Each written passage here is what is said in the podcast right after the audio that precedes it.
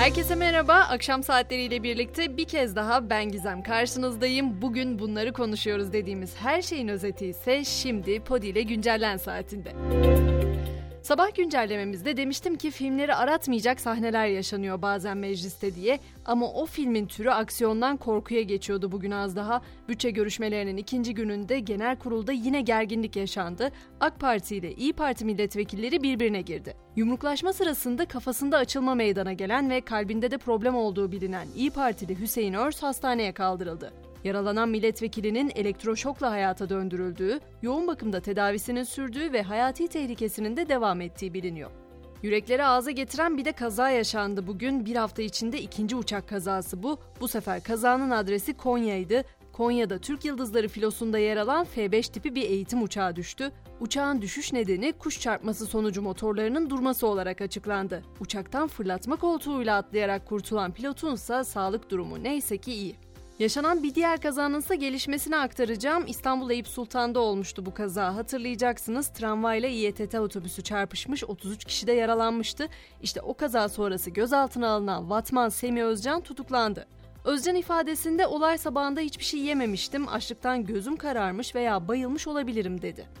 Biliyorsunuz uzun süredir Rusya-Ukrayna arasındaki savaşı konuşuyoruz. Savaş bitmedi ama Ukrayna'ya adanan 2 euroluk madeni paralar tedavüle girdi. Estonya Merkez Bankası bastı bu paraları ve Ukrayna'yı desteklemek için özel olarak tasarlandı o 2 euroluk madeni paralar. Paranın üzerinde Slava Ukrayni yani şan olsun Ukrayna'ya kelimeleri yer alıyor. Ayrıca elinde bir kuşu olan kızla bir buğday başağı resmediliyor.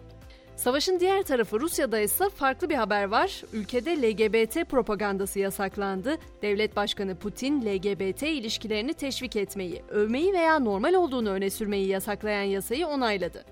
Endonezya'da ise evlilik dışı cinsel ilişki yasaklanıyor. Endonezya parlamentosu evlilik dışı seksi bir yıla kadar hapiste cezalandıran ve ifade özgürlüğünü kısıtlayan yeni ceza kanununu onayladı. Kanun değişikliğinin uygulanması için devlet başkanı tarafından imzalanması gerekiyor. Bu da uygulamanın 3 yılı bulabileceği anlamına geliyor. Bu arada belirtmekte fayda görüyorum. Yeni ceza kanunu Endonezyalıların yanı sıra ülkedeki yabancıları ya da evli olmadan beraber yaşayanları da kapsayacak.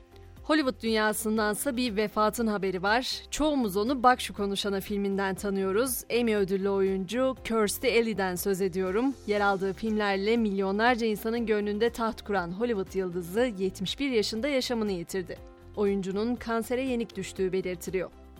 Dünyaca ünlü Amerikalı rock grubu Guns N' Roses ise isimleri için savaşıyor. Texas'ta bu grubun ismini taşıyan bir silah dükkanına grup dava açtı. Grup adını izinsiz kullanan dükkanın adını değiştirmesini ve tazminat ödemesini talep ediyor. İnternet alemi ise günlerdir onunla konuşuyor. Yapay zeka sohbet robotu ChatGPT'den bahsediyorum. Onun yetenekleri hem heyecan verici hem de ürkütücü. Şöyle ki ChatGPT'yi duymadıysanız bunun bir dil modeli olduğunu söyleyeyim öncelikle. Yani bir yazılı metni anlamaya ve anlamını çıkararak cevaplar vermeye çalışan bir yazılım programı aslında. Konuşma dilini anlama ve cevaplama yeteneğine sahip. Bu sayede de insanlarla sohbet etmeye benzer bir şekilde iletişim kurabiliyor. Türkçe konuşabiliyor ve henüz test aşamasında bu yapay zeka projesi ama ChatGPT'nin diğer yapay zekalardan farkı geniş veri tabanı sayesinde hemen hemen her konuda ayrıntılı bilgi verebilmesi ve çeşitli problemleri çözebilmesi. İşte bu yanı da onu ürkütücü yapan tarafı. Bu kadar teknoloji haberinin de dibine vurmuşken uzaydan söz etmeden duramam. NASA'nın Ay'a dönüş projesi Artemis'in ilk test aşamasını tamamlayan Orion kapsülü dünyaya dönüş yoluna girdi. Aracın pazar günü Pasifik Okyanusu'na inmesi bekleniyor. Ve spor dünyası tabii ki Katar'da devam eden Dünya Kupası'nda bugün son 16 tur maçları tamamlanacak. Saat 18 itibarıyla Fas-İspanya karşılaşması başladı. Portekiz'de İsviçre'nin karşı karşıya geleceği mücadele ise 22'de oynanacak. Bu arada Katar'ın ev sahipliği yaptığı Dünya Kupası'nın en dikkat çekici statlarından biri olan ve konteynerden yapılan Stat 974 Tunus'a hediye edilecek.